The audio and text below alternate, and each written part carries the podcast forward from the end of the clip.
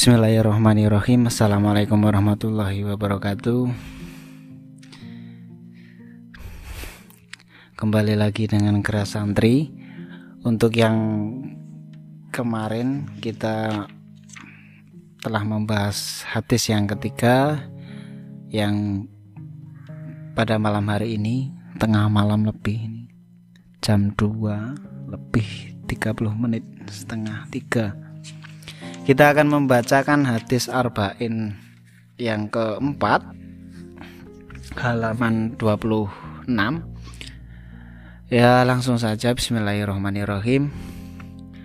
Al hadis utawi hadis Arabiu kang kaping papat. An Abi Abdirrahman. Airuwiya dan riwayatake saking Abi Abdirrahman. Abd rupane Abdillah ibnu Mas'ud kang dadi putrane Ibnu Mas'ud radhiyallahu taala anhu Kala ngendika sapa Abdullah, kala ngendika sapa Abdullah hadasana. Hadasana cerita ing kita sapa Rasulullah sallallahu alaihi wasallam bahwa utawi Rasulullah iku asodiku e, wong kang temen almasduku kang den den anggap temen Ina hadakum teman setuhune. Ini dawuh Enjing Nabi Ina hadakum teman setuhune salah si jenis sira kabeh. Iku yu jema'u den kumpulake apa khalquhu? Kedadiane penciptaane sira uh, ahad fi batni umihi ing dalem uh, waduk utawa wetenge ibune ahad. Arba'ina ing dalem papat petang puluh apane yauman dinane? Nutfatan hali rupa mani. 40 hari pertama berupa mani. Sumaya kuno alakotan misla dalik. Sumaya kuno nuli ono sapa ahad. Iku alakotan rupa getih kenpel misla dalika halih mengkono-mengkono nutfah. Eh arba'ina yauman. Setelah 40 hari berupa mani 40 hari kemudian selama 40 hari berupa darah kempal. Sumaya kunu mudhugotan, sumaya kunu nuli ono apa akad iku mudhugotan rupa daging kempel misla dalika halih mengkono mengkono arba'ina yauman. Jadi 40 hari mani, 40 hari darah kempal, 40 hari daging kempal. Sumayur salu ilahi al malaku Sumayur salu nuli den utus ilahi maring akad. Apa al malak sapa al malaku malaikat? Faya fuhu mung nongko nuli niyop sapa malaikat fihi ing dalam akad aruha ing roh kemudian malaikat meniupkan roh jadi ketika umur 120 hari ketika 120 hari maka banyak-banyak orang tua untuk berdoa karena di situ ditiupkannya roh Wayuk marulan den perintah sapa hati arba'i kalimatin kelawan papat piro-piro kalimat. Kemudian digariskanlah empat perkara atau ditakdirkanlah empat perkara. Rupane bikat bi bikat birizkihi kelawan e, mestekake rizkine ahad wa ajalihi lan ajal utawa patine ahad wa amalihi lan amale ahad wa syakiyun lan iku wong kang tuna au saidun utawa wong kang bejo. Fa wallahi fa wallahi ini jumlah istidrok jumlah istidrok itu jumlah yang jatuh di tengah-tengah kalimat. Jumlah yang ada di tengah-tengah kalimat untuk uh, suatu tujuan. Fawallahi mongko demi Gusti Allah aladhi yadat la ilaha kang ora ana pangeran hak den sembah iku maujud ghairuhu kang sakliyane Allah. Ina ahadakum temen setuhune salah sijine sira kabeh iku layak malu yakti ngamal sapa ahad. Bi amali ahli jannati kelawan ngamale wong kang ahli surga hatta mayakunu sehingga ana iku bainahu ing dalem antarane ahad wa bainahalan ing dalam antarane jannah apa ila diraun angin sak dira di antara uh, kalian kalau beramal ah, malu ahli jannah Jadi berbuat baik, ibadah, taat, meninggalkan larangan. Sehingga sama surga itu jaraknya satu diro. Satu diro itu sekitar dua jengkal atau diro itu ukuran siku dengan ujung jari. Ketika jari itu diluruskan, nah itu jadi ujung siku sampai ujung jari itu namanya diro.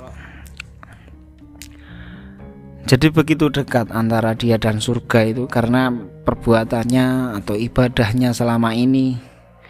Fayas buku fayas biku alaihi alkitabu. Kemudian didahuluilah dengan takdir bahwasanya dia itu tidak ditakdirkan di surga. Fayamalu bi amali ahli nari fayatukhuluha. Naudzubillah Faya malu mongko agawe sapa akad bi amali ahli nari kelawan penggawene ahli neraka faya tuhuluha mongko manjing sapa akad ing nar. Jadi orang tersebut sudah berhari-hari atau sampai seumur hidupnya itu berbuat baik atau berbuat seperti seperti ahli surga tapi di akhir hayatnya dia berbuat dosa atau maksiat kepada Allah sehingga dia masuk neraka. Naudzubillah min dzalik wa inna hatakum lan temen setuhune salah sini sini sira kabeh iku layak malu yakti ngagawe sapa? Ahad bi amali ahli nari kelawan penggawene ahli neraka. Hatta mayakunu sehingga ana. Sehingga ora ana iku bainahu ing dalam antarane ahad wa bainaha lan or dalam antarane nar iku apa ila on angin sadiro jadi tidak ada satu tiro antara dia dan neraka. Saking kehidupan di dunianya itu berbuat buruk, gak pernah ibadah maksiat terus sama Allah. Dia itu perbuatan ahli neraka di dunia. Tapi di akhir hayatnya ketika antara dia dan neraka itu nggak ada satu tiro, satu tiro ukuran tadi, nggak ada satu tiro saking mepetnya Kemudian biku mongkon dingini alaihi ing atase ahad apa alkitabu pesten. Faya malu mongko agawe sapa ahad bi amali ahli jannah kelawan penggawene ahli jannah fayadkhula mongko manjing sapa ahad ing jannah. Jadi sepanjang hidupnya berbuat maksiat, sepanjang hidupnya tidak pernah ibadah. Ketika di akhir hayatnya dia nyatanya ditakdirkan masuk surga, maka dia di akhir hayatnya sebelum kematiannya dia akan berbuat baik, berbuat sesuatu yang diridhoi oleh Allah untuk masuk surga yang menjadi lantaran dia diridhoi. Faidhullah mongko mancing, maka dia akan masuk surga. Rawahu ngriwayatake hadis sopal Bukhari, Imam Bukhari wa Muslimun Muslim. Jadi hadis ini yang intinya itu menjelaskan tentang asal kejadian manusia berupa mani 40 hari di dalam kandungan itu mani berupa mani 40 hari berupa darah kempal 40 hari 80 hari 40 hari lagi berupa daging kempal. Nah setelah 40 hari yang ketiga akhir berarti 120 hari dia ditiupkan roh dengan empat perintah atau dengan empat ketentuan. Apa ini empat ketentuan? Yang pertama adalah kepastian rizkinya. Rizki itu sudah ditentukan ketika sebelum manusia itu dilahirkan. Dan wa ajalihi dan ajalnya. Ajalnya itu sudah ditentukan kapan dan bagaimana bentuk kematiannya itu sudah ditentukan. Terus yang ketiga adalah wa amalihi, amal ibadahnya semuanya sudah ditentukan ketika sebelum dilahirkan. Wa syakiyun au sa'idun kepastian bahwa dia itu ditakdirkan baik atau syakiyun buruk atau sa'idun baik. Jadi orang itu baik buruknya ditentukan pada saat umur 120 hari di dalam kandungan tuh sudah ditulis ketika peniupan ruh. Fawallahi Rasulullah memberi kalimat istidrok meyakinkan atau demi Allah di tengah-tengah penjelasan beliau atau di akhir tepatnya di akhir dari penyebutan empat perkara yang ditakdirkan ketika peniupan roh tersebut setelah melalui lafaz syakion om idun fawallahi Rasulullah sampai bersumpah aladila ilaha ghairuhu di mana tidak ada Tuhan selain Allah setelah menggunakan kalimat kosam atau sumpah Rasulullah juga menggunakan kalimat tauhid. Inna ahadakum. Sungguh. Sungguh kalian semua layak malu bi amali alil jannah. Ketika ada manusia kok berbuat amal ahli jannah amal ahli jannah itu ya taat terus tarkul maksiat. Maksiat itu bukan berarti uh, zina ya. Maksiat itu aso. Aso itu artinya durhaka. Durhaka kepada Allah itu maknanya banyak. Baik berupa diperintah tidak mau atau dilarang tetap melakukan. Itu namanya aso maksiat ketika seorang hamba itu sudah beramal jar ahlul jannah berbuat taat sepanjang hidupnya kok di akhirnya itu takdirnya itu sakiyun itu penjelasan dari lafaz sakiyun di akhirnya itu berbuat sakion dan dia ditakdirkan masuk neraka maka pasti sebelum ajalnya sebelum nyawanya diangkat dari badannya itu dia akan berbuat baik di mana perbuatan baik menurut syariat tersebut itu diridhoi oleh Allah Subhanahu wa taala dan itu menjadi lantaran dia masuk surga. Yang intinya masuk surga itu pasti ada ciri-cirinya, yaitu apa? Berbuat ibadah atau tidak maksiat. Itu harus harus bagi kita, bukan bagi Allah. Bagi kita harus. Jadi kalau orang itu ditakdirkan masuk neraka, ya dia di akhir hayatnya berbuat maksiat. Begitu juga di sini penyebutannya kebalikannya. Sepanjang hidupnya maksiat. Tapi di akhir hayatnya itu masuk surga. Maka sebelum dia meninggal, dia melakukan suatu hal yang diridhoi oleh Allah. Fayadkhuluha Fayasbiku alaihal kitab Jadi dia didahului dengan takdirnya jadi kita tidak bisa memaksakan. Kita tidak bisa memastikan bahwa kita itu akan selalu baik. Kita itu maka kita nggak boleh meremehkan orang lain, nggak boleh meremehkan orang yang sedang maksiat, nggak boleh meremehkan orang yang tidak taat pada Allah, nggak sholat, nggak ibadah dan lain sebagainya. Karena orang yang maksiat itu ya sudah remeh. Jadi kita tidak perlu meremehkan.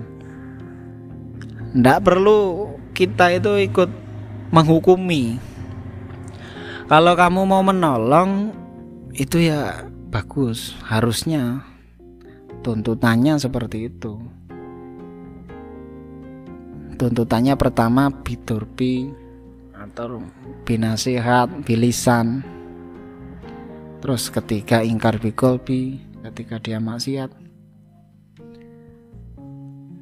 Jadi Bukan kok malah Menjelek-jelekkan Atau menganggap orang lain lebih jelek dari kita. Meskipun kenyataannya dia lebih jelek. Nah terus bagaimana? Ini kok sedikit rumit. Sebenarnya dalam hal tersebut kita artikan sebagai sosialisasi. Dalam bersosial kita itu tidak perlu kepada manusia lain itu kita nggak bisa mengeklaim ngeklaim. Kalau perbuatan itu buruk yang dia lakukan A itu buruk ya oke itu perbuatannya buruk. Tapi sering kali yang kita hukumi adalah orangnya bukan perbuatannya. Sehingga kita membenci orangnya membenci dia dan yang dia lakukan. Ini agak berbeda karena manusia itu sering kali terbawa nafsu meskipun dalam masalah agama. Karena dalam masalah agama pun potensi untuk merasa paling benar bahkan guyonan teman-teman tuh seperti ini ada ini memang kisah nyata ini ada orang yang putus sekolah terus dia itu kerja. Putus sekolah kerja berganti-ganti merantau lah merantau ke Jakarta. Uh, dia sering kali berganti-ganti pekerjaan berganti bos dan lain sebagainya. Selama dia itu berganti-ganti bos dia itu pernah menjadi anak buah pedagang bakso pernah menjadi anak buah pedagang nasi goreng dan lain sebagainya. Nah itu bosnya itu ketika orangnya itu ahli ibadah secara dohir menurut umum dia itu orang yang berkopiah bersarung. Dan dia itu ketika adzan langsung ke masjid. Itu mirisnya dia kepada anak buahnya itu justru seolah-olah e, sosialnya itu buruk. Semisal gajinya itu telat, dia itu merasa tidak dianggap atau dianggap sebelah mata gara-gara dia itu ibadahnya juga eh, tepat waktu seperti bosnya jadi dipandang sebelah mata dianggap remeh. Nah, ketika dia berpindah bos lagi, berpindah kerja lagi, dia menemukan bos yang nyata-nyata tidak mau sholat. Nyata-nyata dia di depan orang-orang suka mabuk-mabukan dan lain sebagainya. Tapi kepada pelanggan dan kepada anak buah-buahnya semuanya, dia justru ramah, baik, belum gajian belum waktunya gajian dipinjam sama dia juga dikasih bahkan jadi sosialnya itu justru lebih baik daripada orang yang dekat kepada Allah. Lah ini seperti ini namanya kalau di dalam kitab tasawuf dinamakan maghrur. Jadi orang semakin dekat dengan Allah itu kok semakin buruk sosialnya gitu. Beda sama cerita Syekh Abdul Qadir Jailani semakin dia de beliau dekat dengan Allah. Nah, dia memang tidak dekat dengan manusia dia itu sudah tidak nimbrung sama manusia buat apa kan nimbrung sama manusia Tala, tapi ini dia masih nimbrung masih masih tuntutan untuk komunikasi sosial tapi dia kok sosialnya justru buruk seolah-olah menganggap remeh orang lain atau anak buahnya, orang-orang sekitarnya ini waktunya sholat kok masih di sini. Gitu. Ini waktunya sholat kok enggak bergegas ke masjid. Ini waktunya pokoknya justru itu malah kebalik-balik. Seringkali di dunia ini terbalik-balik. Orang yang taat beribadah malah seolah sombong bahwa dia itu sudah dekat dengan Allah menjauhi orang-orang yang ahli maksiat beda lagi ketika uh, amar ma'ruf nahi mungkar maksiat itu harus memang harus dijauhi. Ini tuntutannya beda lagi. Ketika seorang tersebut masih punya kontrak sosial dengan manusia yang lain dan dia itu tidak mampu untuk uh, pergi ya maka bergaulah dengan baik.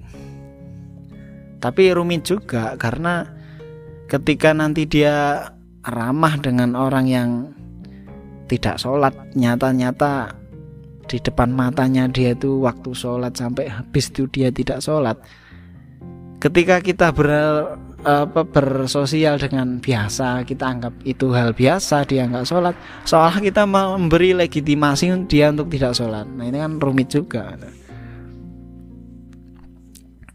Jadi sebenarnya ini perintah agama kan sudah jelas kalau amar ma'ruf itu stepnya kalau kamu punya kapasitas dengan dorbi, maka lakukanlah bidorbi itu dengan cara paksaan, pukulan atau kekerasan yang lain.